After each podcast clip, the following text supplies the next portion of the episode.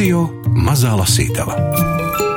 Sadarbībā ar Borisa un Ināras Teterevu fondu. Nav taču daudz, kas tulko no ieverīta. Man liekas, nav, bet es īsti nezinu. Māra Paļakova ir jau daudzu grāmatu tulkotāja. Viņa arī vairāk kārt nominēta Latvijas literatūras gada balvai par labāko tulkojumu, taču šogad nominācija ir īpaša, jo Māra Paļakova pirmoreiz tulkojas no Ivrita. Izrēlā dzīvojoša rakstnieka Dāvida Grossmana romānu Bārā ienāk zirgs.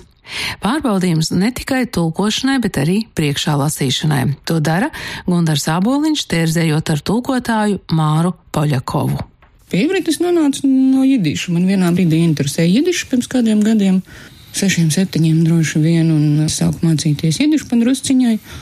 Un, un atklāju mājās, un tad es biju kursos divas reizes. Vienreiz Varšavā? Vācijā, ne vienreiz Londonā. Un es atklāju, ka vienā brīdī es sāku jau tā tīri braši lasīt, runāt, nerunāt. un Es joprojām nespēju parunāt idišā, bet lasīt es sāku tīri braši, jo ar uh, vācu un slāvu backgroundu tur. uh, 85% principā laikam ir saprotami jidišā, un tad tie 15 man nedēva mieru, tie 15 nesaprotamie procenti, un tur nekas cits neatlikt, tur jāmācās ivrits.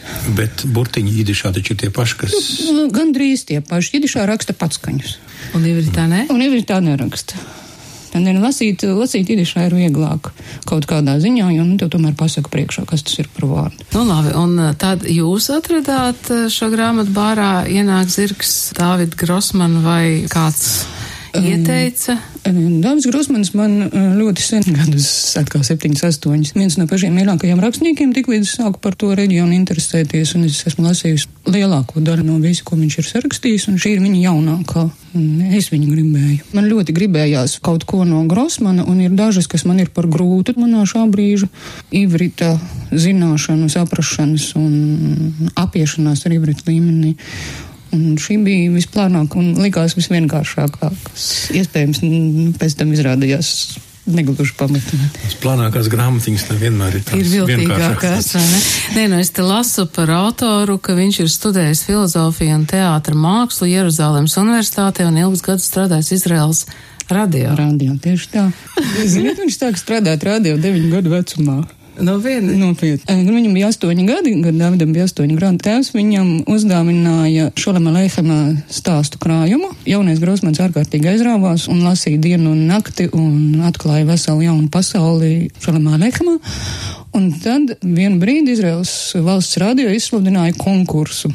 Šolem Leiham zinātājiem. Un Grosmans slēpjas no vecākiem, jo vecāki neko tādu nebūtu pieļāvuši. Pieteicās, ka viņš stāsta, viņš ir aizgājis uz galanterēju un nopircis atklātnīti un aizsūtījis. Viņš pat nezinot, kā viņš toreiz zinājis, kā raksta atklātnītes. Un tad pienākusi atbilde no Izraels valsts radio, kur tiek uzaicināts vecāki pārbijušies, bet palaiduši. Tā vairs nebija atklātnīta, tā jau bija Tā oficiāla. bija vēstule. oficiāla vēstule, lūk, no valsts. Un tēvs viņu aizvedis uz šo konkursu, kur, protams, puiku lika atstāt ā, ārpusē un lūdzu konkursant nāciet iekšā, bet nu, viņš iegājis iekšā un atbildējis uz visiem jautājumiem. ā, Labāk par visiem, un ir bijis skaidrs, ka nu, šis puika visticamāk uzvarēs šajā konkursā, bet viņu nepielaida pie tā konkursa, tādēļ, ka nebūtu pedagoģiski. Ja tāds mazs sprukstiņš pievērētu profesorus, rakstniekus un citus zinību vīrus un dabūtu galveno balvu, kas atbilda mm, 200 dolāriem mm, tā laika 60. gadu Nu, vērtību. tas ir uh, desmit reizes, man šķiet, varam ar desmit pareizināt. Un beidzās ar to, ka tajā konkursā viņš sēdēja malā, un, ja kāds no pieaugušajiem konkursa dalībniekiem nezināja, tad jautāja viņam. Bet galveno balvu viņam neiedeva. Bet pēc tam viņi toties paņēma strādāt rādio, sapratuši, ka tam puikam ir ķēriens un talants, un tā viņš nostrādāja tur kopā 25 gadus. Jūs ar viņu esat tikusies? Nē, es viņu esmu redzējusi. es viņu esmu redzējusi.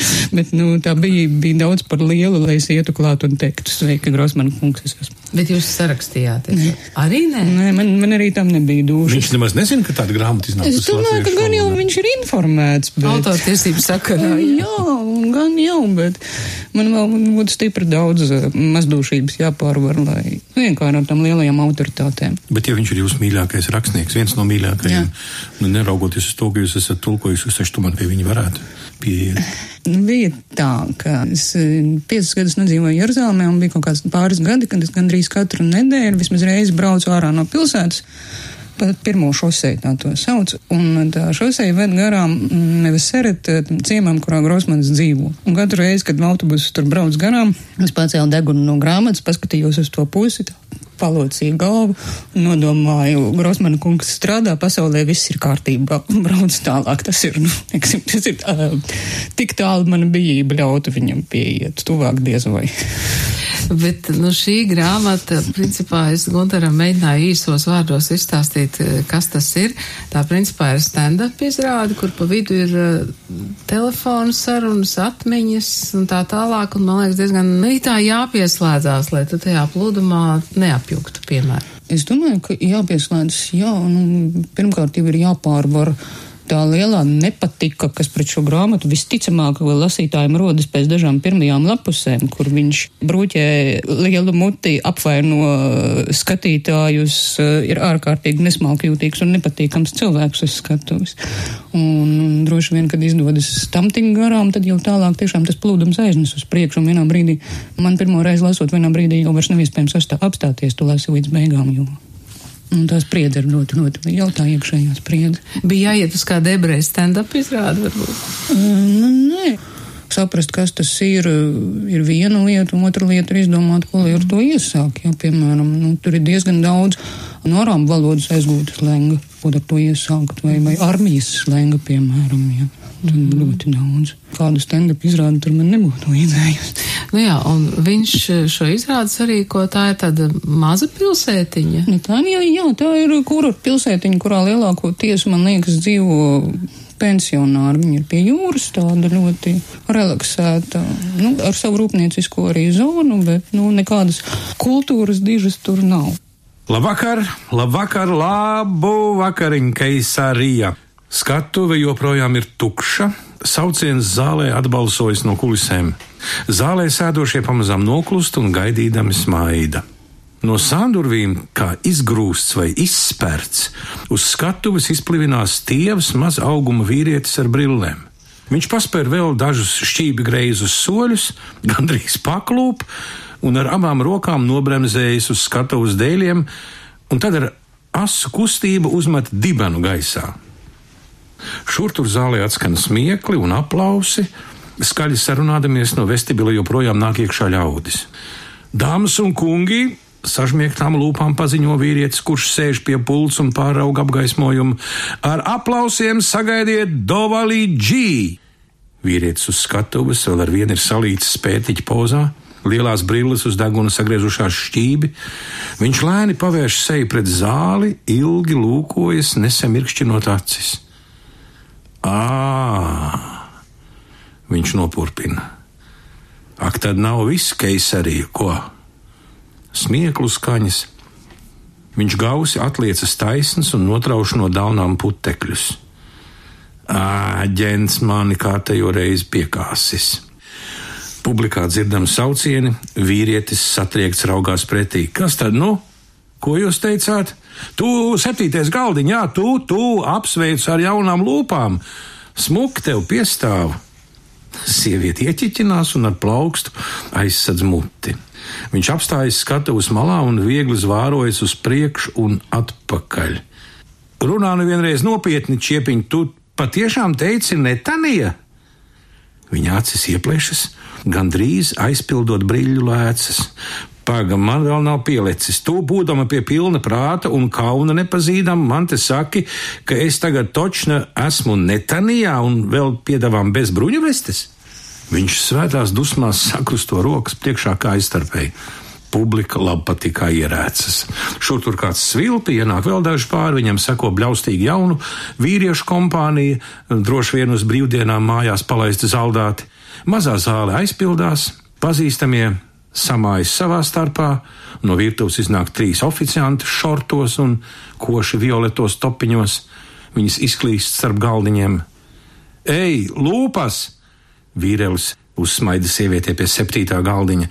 Man ar tevi vēl nekas nav beidzies, načū parunāsimies. Nē, nu, Tu man īstenībā izskaties pēc nopietnas meitas, un arī gauma tev ir oriģināla. Ja es pareizi saprotu šo tavu interesanto frizūru, paga, tūlīt uzminēšu tas pats stilists, kurš mums dāvāja Tempļa kalna mošejas un Dimonas kodoreaktoru. Publikas mējas. Un, ja nemaldos, es šeit savožu arī riktīgas naudas čupas. Nu, ir pareizi vai nav pareizi? No? Sabiedrības sviestiņš, ne? Tiešām ne. Es tev pateikšu, kāpēc man tā likās, jo es šeit redzu graznumu, graznu botoksu un piedāvām arī krūšu samazināšanu bez jēgas un sajēgas. Es tam ķirurgam rokas nocirstu, tic man! Sieviete aizliek sev priekšā daumus, aizsedz seju ar plaukstām un pa pirkstu starpām spiedz kā kutināta. Runādams vīrietis ātri soļo pa skatuvi no vienas malas līdz otrai, berzē rokas un slidina skatienu pār zālē sēdošajiem. Viņa kauboja zābakiem ir platformas papēži un tiešo skraidelēšanu pavada ar sausiem klakstiem. Tu tikai dūdiņi paskaidro man vienu lietu, viņš neskatīdamies uz sievieti sauc. Vai tiešām tik inteliģenta meiča kā tu var nezināt, ka tādas lietas cilvēkam jāpastāsta uzmanīgi, prātīgi, apdomīgi, nevis jāgāž viņam virsū, tu esi netanijā, bum! Kāda muša tev iekoda cilvēku vajag sagatavot, īpaši jau šī tik vājiņa? Viņš parauja augšup savu izbalējušo triko kreklu un skatītāji neviļus noelšas. Kas ir? Vai tad nav tiesa? Viņš pagriež savu atkailināto augumu vispirms pret tiem, kuri sēž pa labi no skatuves, pēc tam pret tiem, kuri ir pa kreisi un apveltīja viņus ar platu smaidu. Redzējāt? Kauli un āda, pārsvarā skrimšļi. Vīrs un vārds bijis es zirgs jau sen būtu savārīts klīsterī, ne? Publikā skan kaunīga ķiķināšana un netīksmes šņāciena.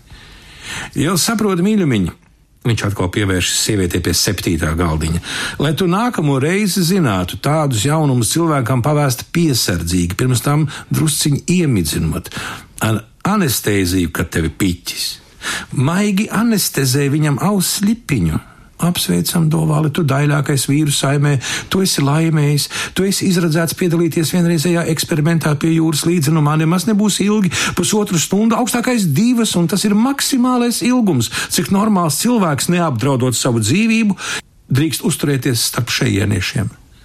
Publika smejas, vīrietis uz skatuves brīnās. Par ko jūs smejaties, cirmuļu galvas? Tas bija par jums! Publika smejas vēl gardāk, un viņš Pāgalai starp mums nebūtu pārpratumu, vai jums jau pateica, ka jūs esat tikai iesildītāja publika. Īsto publiku laidīs iekšā vēlāk. Svilpiena, smieklu šaltis, zāles stūros šur un tur dzirdam arī stiepta būjināšana un galdiņu rībināšana, taču lielākā skatītāja daļa uzjautrinās. Zālē ienāk vēl divi, abi gari un tieviņi, mīkstiem plāniem zelta matiem, kas lēkā gar pieri, jauns puisis un meitene, vai varbūt divi puiši, iesaiņojušies spoži melnā ar motociklistu ķiverēm padusēs. Vīrietis uz skatuves īsi uz viņiem palūkojas, un virs viņa acīm kā arka uzrodas smalka rieva. Tur ir vēl viens varonis, vai ne? Dobs G. Doverli ir uzaicinājis uz šo savu stand-up izrādi cilvēku, kur viņš nav redzējis 43 gadus. Cilvēku, kurš toreiz, kad viņi abi bija puikas, bija laikam viņa vienīgais draugs, un kurš viņu nodeva. Aizgriezās brīdī, kad viņu mocīja, un izlikās neredzam. Un tagad, pēc 43 gadiem, viņš viņam ir piezvanījis, un cilvēks, tas ir pensionēts tiesnesis Sevišais Lāzars, pat neatceras viņu vārdu, ir apjucis un nesaprot un neizrāda nekādu ieinteresētību. Un pēc tam viņš pats ir šokēts par to, ka viņš ir varējis aizmirst gan to atgadījumu, gan šo puisi. Viņš aicina viņu uz savu izrādi, lai avišais paskatītos uz viņu un ieraudzītu, kāds viņš patiesībā ir. Nu, tagad ir tā telefona saruna, kur uh, viņš piezvana un sākumā viņš pat vispār nepazīst, kas tas ir par cilvēku. Es gribu, lai tu atnāc uz manu izrādi. Viņš man pa telefonu teica, kad viņam bija izdevies ielausties manā iecirtīgajā atmiņā, un kad bijām pacelājuši dažas īstenībā pat sirdi sildošas atmiņas no tām stundām, kad divreiz nedēļā gājām no Baita Vagana apkājumus uz autobusu, kas veda mani mājās uz Talpiotu. Viņš par šiem gājieniem runāja ar milzīgu entuziasmu. Tur mēs tieši sadraudzējāmies. Viņš divas vai trīs reizes teica, nosmiedamies tādā kā neizprotamā laimīgumā. Mēs gājām un runājāmies, un runājāmies, valkī talkī draudzība. Un viņš runāja tālāk, sīki un smalki šķietinādams atmiņas, it kā tā ļoti īsā draudzība būtu pats labākais, kas viņa dzīvē ir noticis. Un es pacietīgi klausījos, gaidīdams, kad dabūšu dzirdēt, ko īsti viņš no manis grib lai varētu nepārāk aizskaroši atteikties un atkal izraidīt viņu ārā no savas dzīves. Un kas tā par izrādi, ko tu gribi, lai es noskatos? Es viņu pārtraucu, kad viņš apklusa, lai ievilktu elpu. Es. viņš ieķiķinājās, kā lai pasakā, nu, es uzstājos ar stand-up. Ah, es atvieglots atsaucos, tas nav man. Tu pārzini stand-up? Viņš īsi nosmēja. Kaut kā nebija domājis, ka tu vispār esi kādu izrādi redzējis. Nu, laiku pa laikam televīzijā rāda, es teicu. Neuztver to personiski, bet tas nu ir kaut kas tāds, kas mani galīgi neuzrunā. Vienā mirklī biju izrāvies no tās paralīzes, kas mani pārņēma uzreiz, ko līdz pacēlu klausuli. Ja tajā, ka viņš man bija piezvanījis, jautās kaut kas mīklains, ja tur bija kāds nenoteikts solījums, teiksim, nu, atjaunot seno draudzību, Nu, tas viss pajuka. Ā, stand-ups. Klausies, es teicu, es neesmu tava klientūra. Visas tās spēlītas ar jokiem un smiešanos nav domāts ne manam prātam, ne manam vecumam. Nu, atvaino. Ok, viņš gausi atteica. Tā nu reiz ir skaidra atbilde. Neviens nevarētu apgalvot, ka tu izpaudies izvairīgi. Nepārproti mani, es biju redzēdams, ka sunene saslēja ausis un bažīgi lūkojas manī. Es nešaubos, ka ir ļoti daudzi, kuriem šāda veida izklaidēšanās sagādā prieku. Es nevienu nenosodu, gaumas lieta. Laikam sarunāja vēl kaut ko tādā garā, par laimi ne viss aizķēries atmiņā. Man nav ko teikt sev par attaisnošanu, ja no vienīgi to, ka jau no pirmā brīža sajūtu un laikam miglaini atcerējos, ka talanta vai varbūt rakstura ziņā šis cilvēks ir kaut kas līdzīgs mūķīzerim. Pēkšņi atkal zināju šo bērnības izteicienu, un man ļoti jāuzmanās. Bija arī tas, protams, nav attaisnojums tam, kā es viņam uzklupu. Jo pēkšņi ne no šā, ne no tā es gāju viņam virsū tik nikni, it kā viņš pārstāvētu cilvēces aušību visās tās izpausmēs. Kā tad jums es vārījos? Jau īstenībā viss ir tikai tāpēc, lai pasmietos. Viss un visi nav nekas svēts. Ja tikai ir kripata improvizācijas spēja un ātra domāšana, tad joku, parodiju vai karikatūru var uztaisīt no visa, no slimībām, no nāves, no kariem. Viss niecināms. Ilgi valdīja klusums. Asinis lēnām atplūda man no galvas, atstājot sajūtu, ka smadzenes ir augstas un šoku pašam par sevi. Par to, kāds esmu kļuvis. Es dzirdēju, kā viņš elpo, jūtu, kā tamāras manī kļūst ar vien mazāk. Tu esi dusmu pilns, viņa teica, pilns. Es esmu ar ilgošanos, es sevī domāju, vai tu neredzi? Saindējies ar ilgām. No otras puses, viņš sašļucis murmināja, tik satriekts, ka man sadrupa sirds. Īstenībā es arī par stand-up vairs nemaz tā nejūsmoju. Agrāk, jā, agrāk man tas bija kā staigāt pa virvi, kuru katru brīdi var nogāzties visu acu priekšā. Nošāvi garām par milimetru, vai, teiksim, netrāpīja teikumā vārdu īstajā vietā, vai tava balss kļuva mazliet skaļāka, kad vajadzēja pieklusināt, un publika tūlīt pret tevi atsalsta bet nākamajā mirklī tu pieskaries pareizi, un tā uzreiz paplēš kājas. Sunena laka ūdeni. Garās ausis bļodai abās pusēs sniedzās līdz grīdai. Viņai ir lieli, pliki laukumi pa visu ķermeni, viņa ir gandrīz akla. Vetārsts visu laiku mani tirda, ka vajag būt viņu iemidzināt. Viņam ir 31 gads. Klusībā iztēlojos, ka viņa acīs arī es esmu eitanāzijas kandidāts. Uzcēlu kājas uz pretējā krēsla, centos nomierināties. Pirms trim gadiem šāda dusmu izvirduma dēļ paliku bez darba. Un te man bija jādomā, kas zina, ko esmu zaudējis tagad. No trešās puses viņš runāja tālāk, un es tikai tajā brīdī aptvēru, cik ilgi mēs bijām klusējuši, katrs iegrimis savās domās. Stand-upā tu dažreiz cilvēkus tomēr sasmīdini, un arī tas ir kaut kas. Dažus pēdējos vārdus viņš izrunāja klusi, it kā pie sevis, un es nodomāju, tā gan arī tas ir kaut kas, pat ļoti kaut kas. Lūk, piemēram, es tikai ar grūtībām atceros, kā skan manis smiekli. Un es jau gandrīz palūdzu, lai viņš te mitējas, sāksim visu šo sarunu no sākuma, un tagad jau kā cilvēki, lai vismaz paskaidrotu, kā bija varējis viņu aizmirst, kā nevēlēšanās atcerēties vienu milzīgu un sāpīgu notikumu, kas pieder pagātnē, ir notrulinājusi un pamazām izdzēš lielus laukumus visā šajā pagātnē. Ko es no tevis gribu? Viņš dziļi ielpo, labi, nu pat jau es vairs nemaz nezinu, vai tas vispār ir aktuāli. Nu, es saprotu, ka tu gribi, lai es aizeju uz tavu izrādi.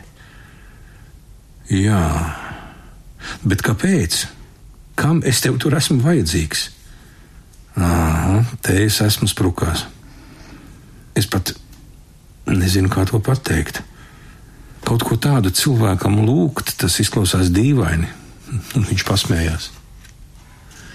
Redzi, ir tā, ka es daudz esmu domājis, jo diezgan ilgi to pārgramoju, un nezinu, un neesmu drošs. Un tad man ienāca prātā, ka tu esi vienīgais, kuram es varu. Viņa balss pēkšņi bija citāda, gandrīz lūdzoša. Pēdējās vēlēšanās izmisīgums. Nocēlu kājas no krēsla, es klausos. Es gribu, viņš spēra vaļā, lai tu uz mani paskaties, lai tu mani kārtīgi ieraugi,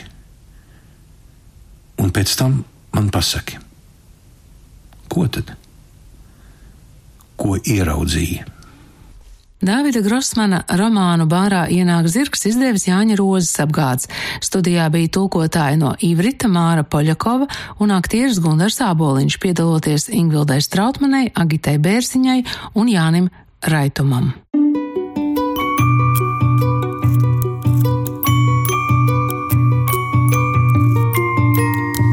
Radio Mazā Lasītava sadarbībā ar Borisa un Ināras Teterevu fondu.